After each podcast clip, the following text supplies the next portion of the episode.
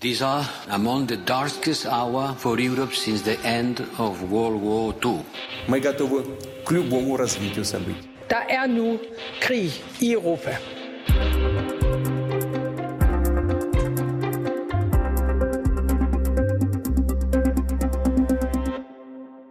вже можна констатувати, що російські війська розпочали битву за Донбас, до якої давно готували. Vi kan nu sige, at russiske tropper har påbegyndt kampen om Donbass, som de har forberedt sig på længe. En stor del af den russiske hær er nu fokuseret på den her offensiv. Den ukrainske præsident Volodymyr Zelensky gjorde det klart mandag aften, at den anden fase af krigen i Ukraine er begyndt.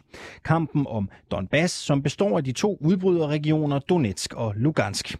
Og der er der også forlydende om angreb og intensiverede kampe mellem russiske og ukrainske styrker langs den 480 km lange frontlinje i området. Ifølge britiske efterretninger så fortsætter Rusland desuden med at opruste sin militære tilstedeværelse langs Ukraines østlige grænse. Du lytter til Krig i Europa, hvor vi i dag zoomer ind på Donbass og på den her anden fase af den russiske offensiv. Vi ser nærmere på, hvor de russiske og ukrainske tropper står lige nu, og så skal vi blandt andet tale med en korrespondent, der har et indgående kendskab til Østukraine, og med en dansk læge, der lige nu hjælper folk i området. Jeg hedder Alexander Vils Lorentzen, og det her, det er Krig i Europa.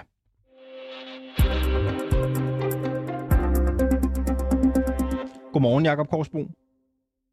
Godmorgen, godmorgen. Senioranalytiker ved Tænketanken Europa og forhenværende chefanalytiker i Forsvarets efterretningstjeneste. Det er jo efterhånden nogle uger siden, at russerne trak sig væk fra områderne omkring den ukrainske hovedstad Kiev og meldte ud, at de vil flytte deres fokus til det østlige Ukraine. Men det er først nu, at den her ventede russiske offensiv mod Donbass er begyndt. Korsbo, hvad er seneste nyt om offensiven?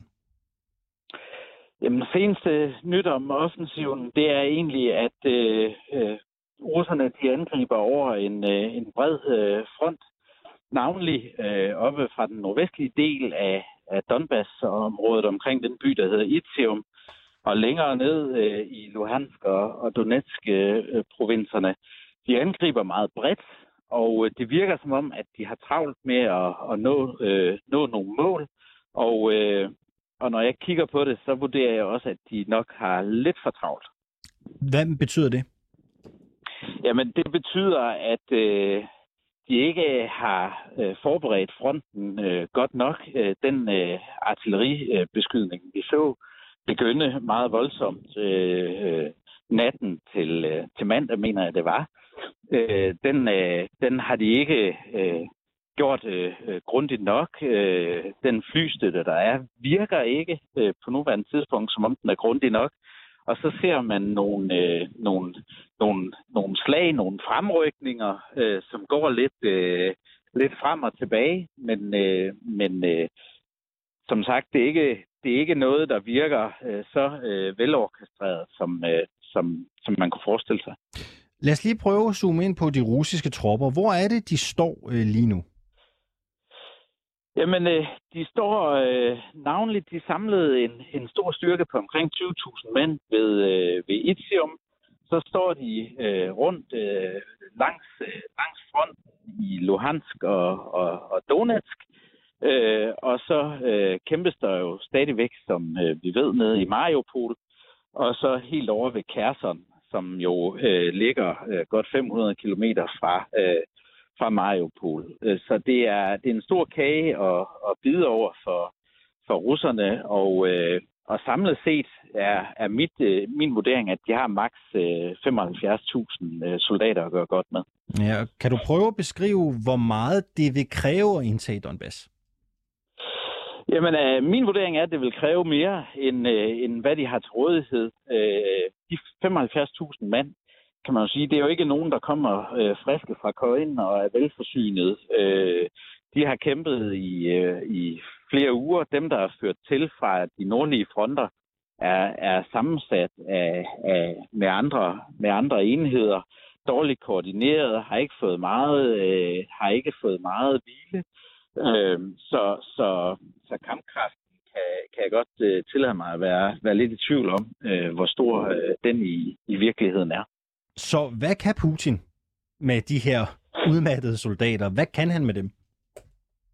Jamen, ja, ja, mit bedste bud er nu, at, øh, at øh, vi vil se øh, øh frontlinjen bølge øh, lidt frem og tilbage. Ukrainerne vil forsøge at indsætte øh, øh, modangreb øh, her og der, øh, og blandt andet forsøge at skære, øh, skære nogle af de forsyningslinjer, russerne har øh, nord for eller øh, øst for Kharkiv, øh, skære dem øh, over.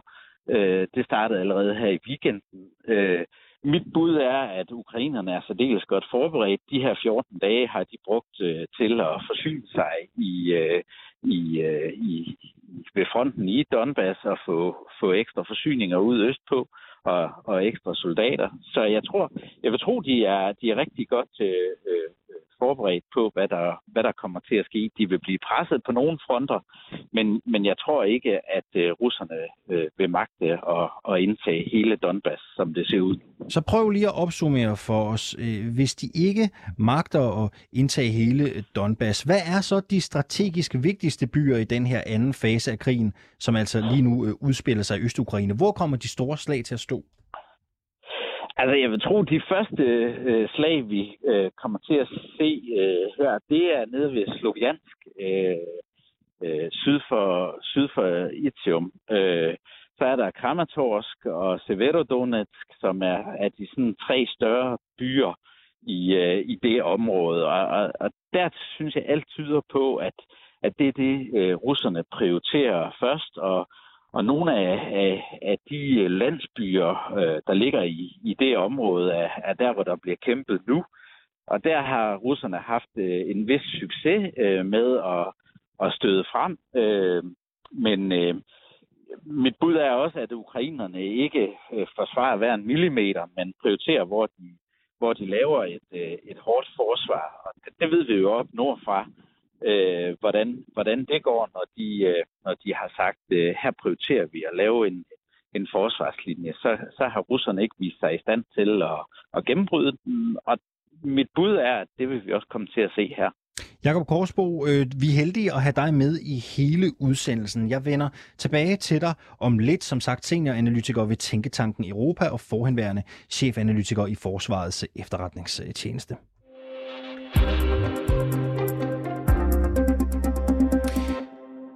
Der er ikke tid til at overveje dine beslutninger. Red dit liv, bliv evakueret. Busserne venter. Beskeden her kommer fra Serhii Haidal, der er guvernør i udbryderregionen Lugansk.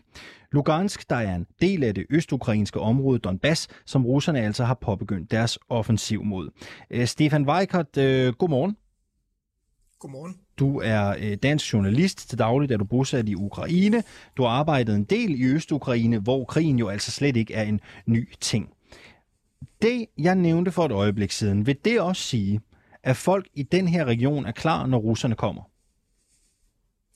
Ja, altså man kan vel sige, i forhold til det civile, øhm, så må vi jo sige, at det i hvert fald er, er folk, som, altså, som godt kender til krig helt tilbage fra 2014.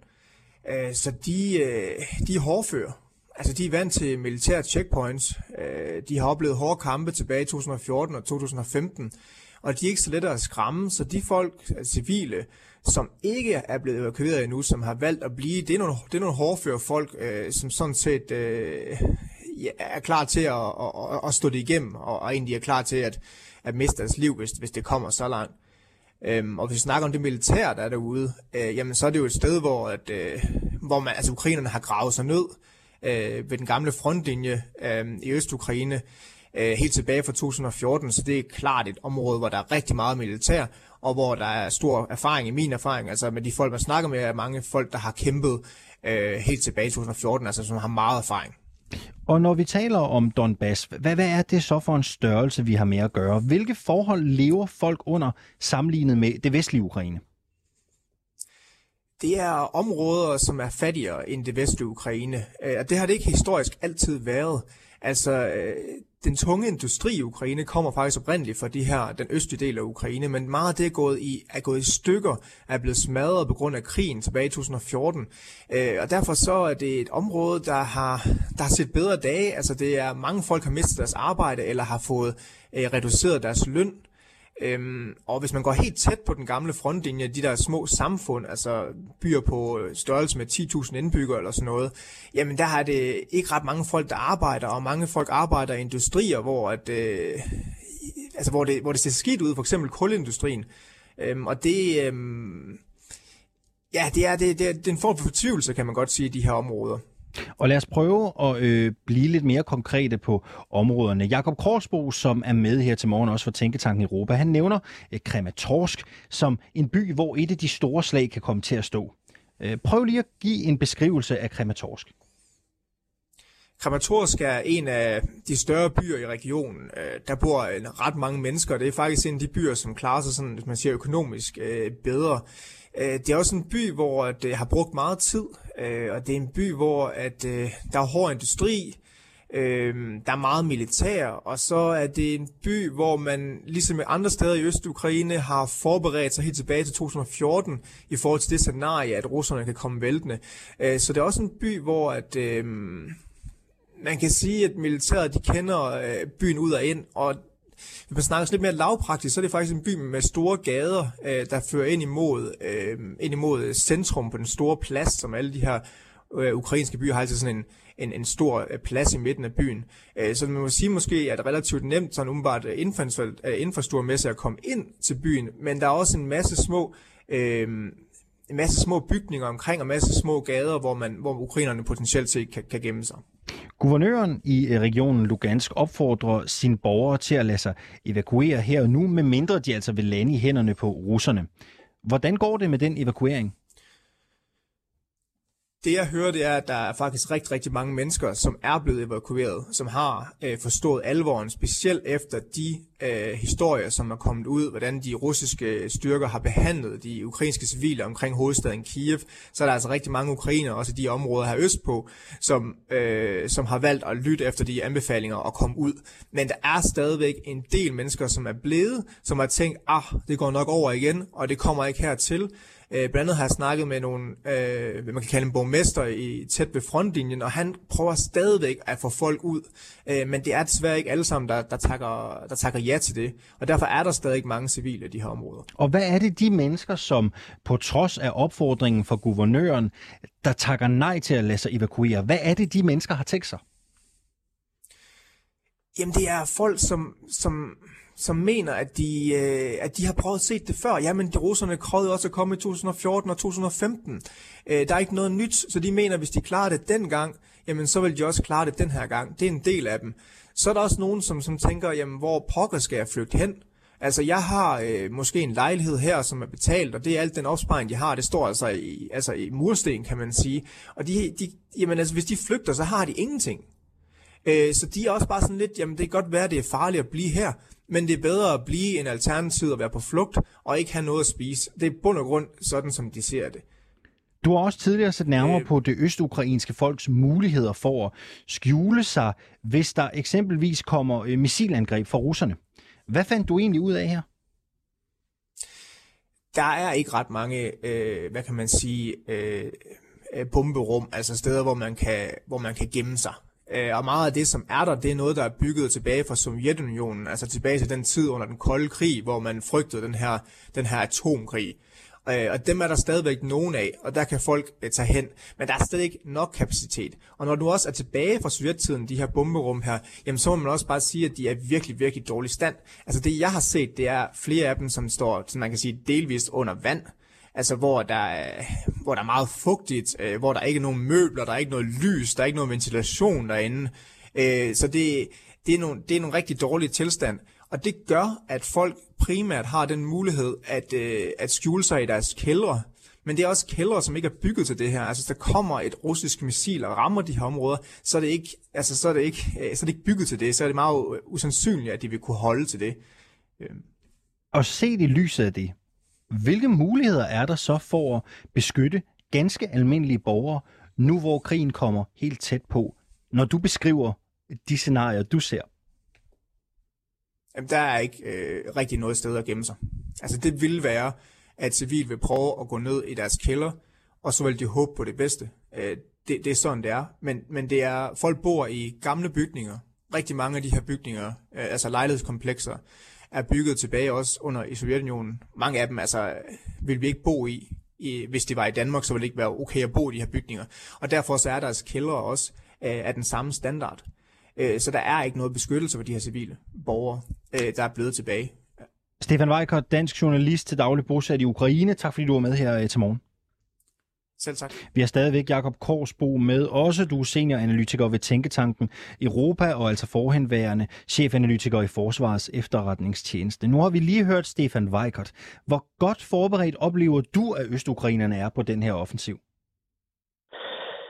Altså, de, øh, hvis vi taler om, øh, om de civile, så som, som Stefan der også øh, beretter, jamen altså, så er det, så er det hårdfører øh, folk, der har været vant til øh, øh, den her trussel fra, fra, fra Rusland siden øh, 2014. Øh, men, øh, men som han også beretter, ja, det er, det er jo ikke det er jo ikke, det er jo ikke nogen, der har noget sted at, at tage hen og, og, og ret meget valg øh, reelt set. Så, så, så på den måde kan man sige, øh, der er, er forberedelsen jo ikke så god øh, andet end, at øh, de er indstillet på, øh, hvad, det, hvad det muligvis vil koste.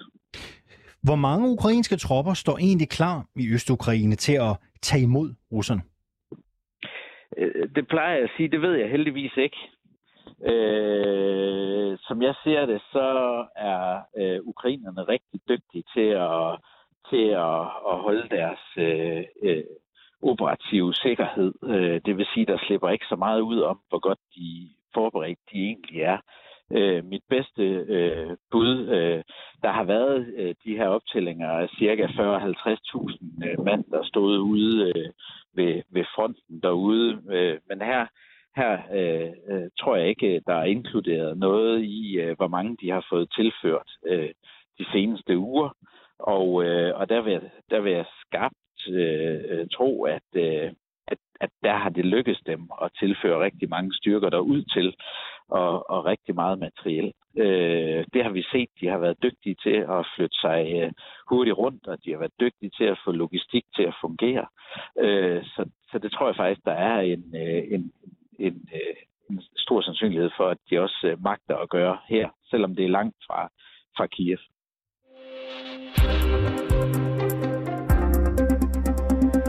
Østukraine bliver lige nu udsat for omfattende angreb fra russiske styrker. Alene natten til tirsdag ramte russiske missiler og artilleristyrker 1260 områder i Ukraine, ifølge det russiske forsvarsministerium. Mange af stederne lå i Øst-Ukraine. Og når russerne angriber, så er det blandt andre læger uden grænser, som står klar til at hjælpe de civile ofre efterfølgende. En af dem, det er dig, øh, Mads Geisler. Godmorgen. Godmorgen. Du er dansk læge hos Læge Uden, Læger Uden øh, Grænser. Du har base i byen Dnipro, der ligger knap 400 km sydøst for Kiev, men øh, du er faktisk på farten lige nu, og derfor kan det være, at forbindelsen er en lille smule shaky. Så har vi i hvert fald advaret folk, der måtte lytte med øh, derude. Øh, Geisler, øh, Rusland har påbegyndt deres offensiv mod Øst-Ukraine. Øh, kan du ikke prøve at beskrive den situation, du står i i de her dage? Ja, lige nu er vi på, øh, på vej sydpå øh, til en by, der hedder Kriviri, som også er en stor by i samme oblast, samme region som Nipro. Ellers har vi base i byen Nipro, og øh, der er måske halvdelen af befolkningen tilbage. Det er måske en halv million mennesker. Og øh, den blev for nogle uger siden betragtet som sikker igen, og man så øh, øh bylivet åbne en lille smule. Halvdelen af butikkerne er måske åbne, og øh, der er familier, der forsøger at opretholde en normal øh, hverdag. Men øh, der er flere hundrede mennesker, der tager afsted vestpå med tog og bil hver dag, i hvert fald, som man kan se i gaden. Øh, der er en del luftalarmer, øh, og øh, en gang imellem går man i beskyttelsesrum. De mål, der har været øh, angrebet, har mest været øh, logistiske og militære mål og offentlige bygninger. Øh, Geisler, prøv at fortælle om det arbejde, du står med. Hvilke opgaver er det helt konkret? Jamen, vi har flere opgaver. Øh, vi har et, øh, et medicinsk tog, altså et hospitalstog, der kører øh, i samarbejde med jernbanesystemet, kører det øh, øh, fra øst til vest med, med øh, med sårede mennesker og også øh, patienter fra hospitaler, der bliver evakueret fra Øst-Ukraine til Vest-Ukraine, nogle gange til udlandet og nogle gange til videre behandling i Lviv eller Kiev.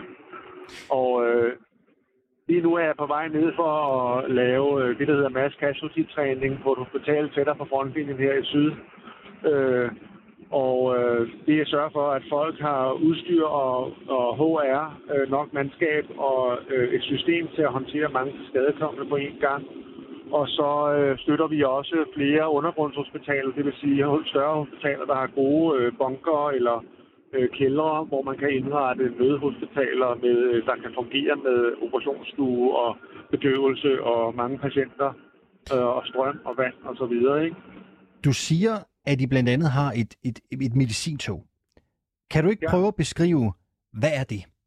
Hvad rummer sådan ja, et? Er det et kørende hospital? Bare prøv at beskrive, hvad ja, det er for en størrelse. Det er det. Det er øh, ekstra vedhæng til et normalt tog, der kan køre med øh, x antal normale øh, kopier, øh, og vi har 32 sengepladser standard nu her. Hvis det er mindre folk, kan der være dobbelt så mange. Hvis det er meget, meget syge folk, der har øh, patienter, der har, for eksempel har mange frakturer, øh, brud på arme og ben, der er fixeret med, med instrumenter, så øh, vil det være endnu færre, vi kan flytte. Og vi har typisk lidt blandede patientgrupper, vi flytter. Øh, forleden dag, for i sidste uge, var jeg ude for at vurdere, om øh, 20 børn og deres familier øh, kunne køre med der, øh, fra toget, som de kunne klare turen på 20 timer, 24 timer måske. Og det var alle sammen øh, patienter fra Kramatorsk, den, øh, fra angrebet på togstationen i Kramatorsk. Det var 20 børn med forskellige sprængeskader. Og mit job var egentlig bare at sørge for, at, at de patienter var udvalgt, så de kunne klare den 20 timers transport der til videre behandling og videre operationer i, i Vestukraine eller udlandet. Hvordan gør man det?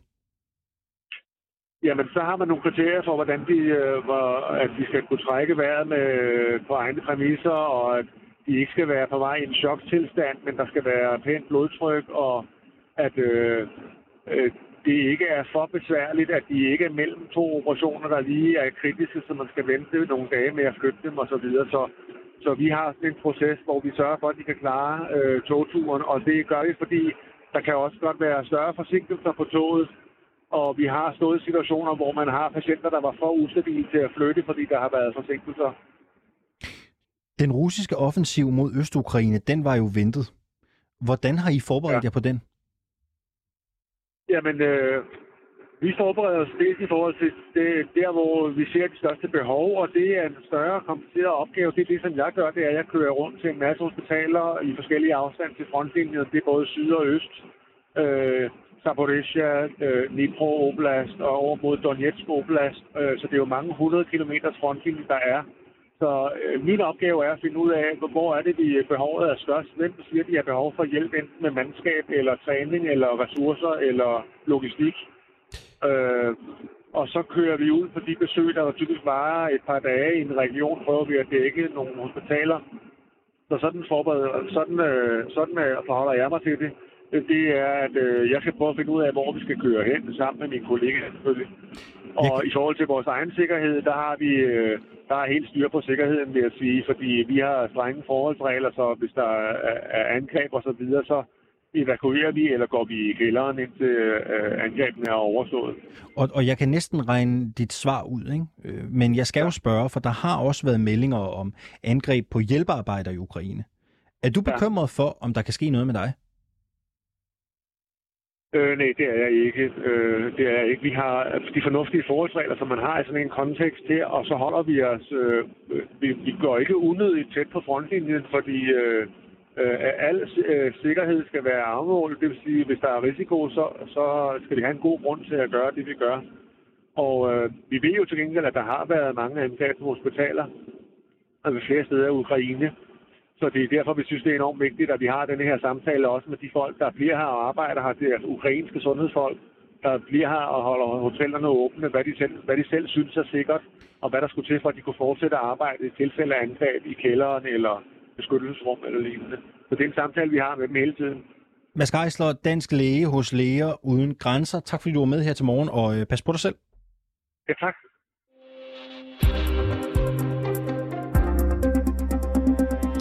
Jakob øh, Korsbo, senioranalytiker ved Tænketanken Europa. Øh, her i de sidste 8 minutters tid, der skal vi lige runde et brev, der mandag den 18. april gik øh, viralt.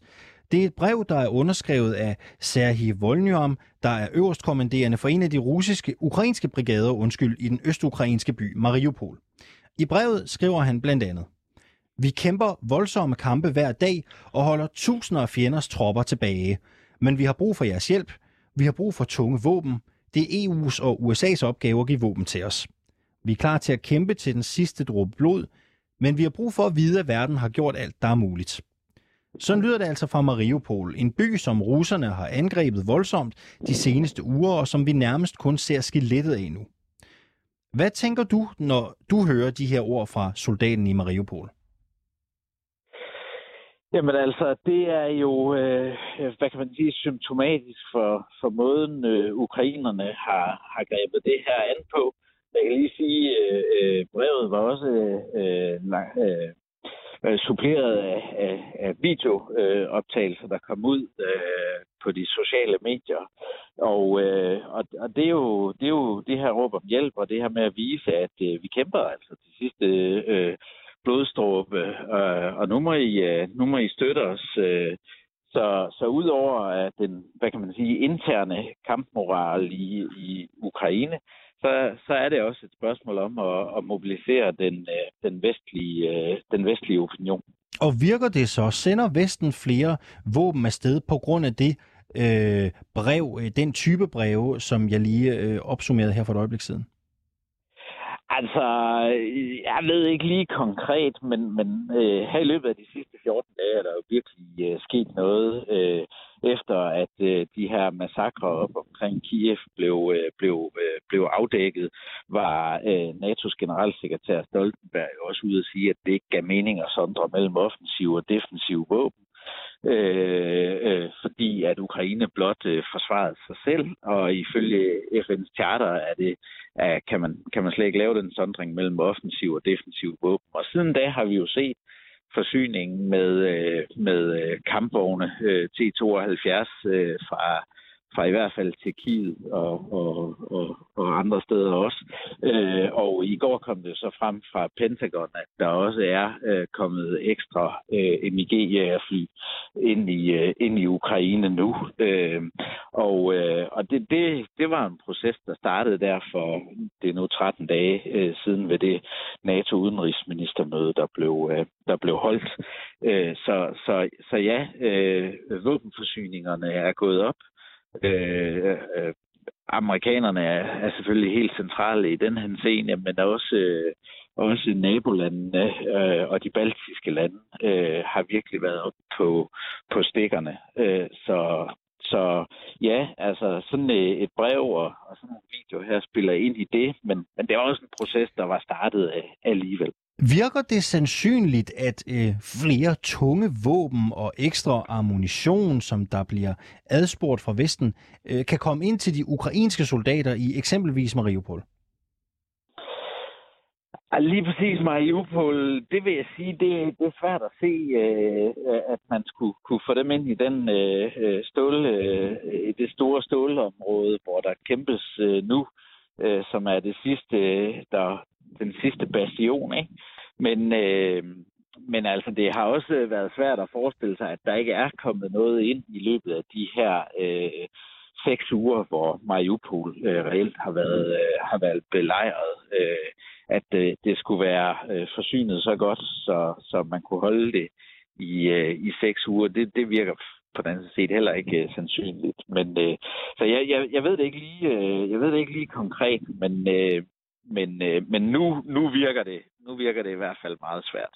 Men hvis det er svært at få ekstra våben og ammunition til øh, Mariupol, øh, som du vurderer det, betyder det så, at den er tabt?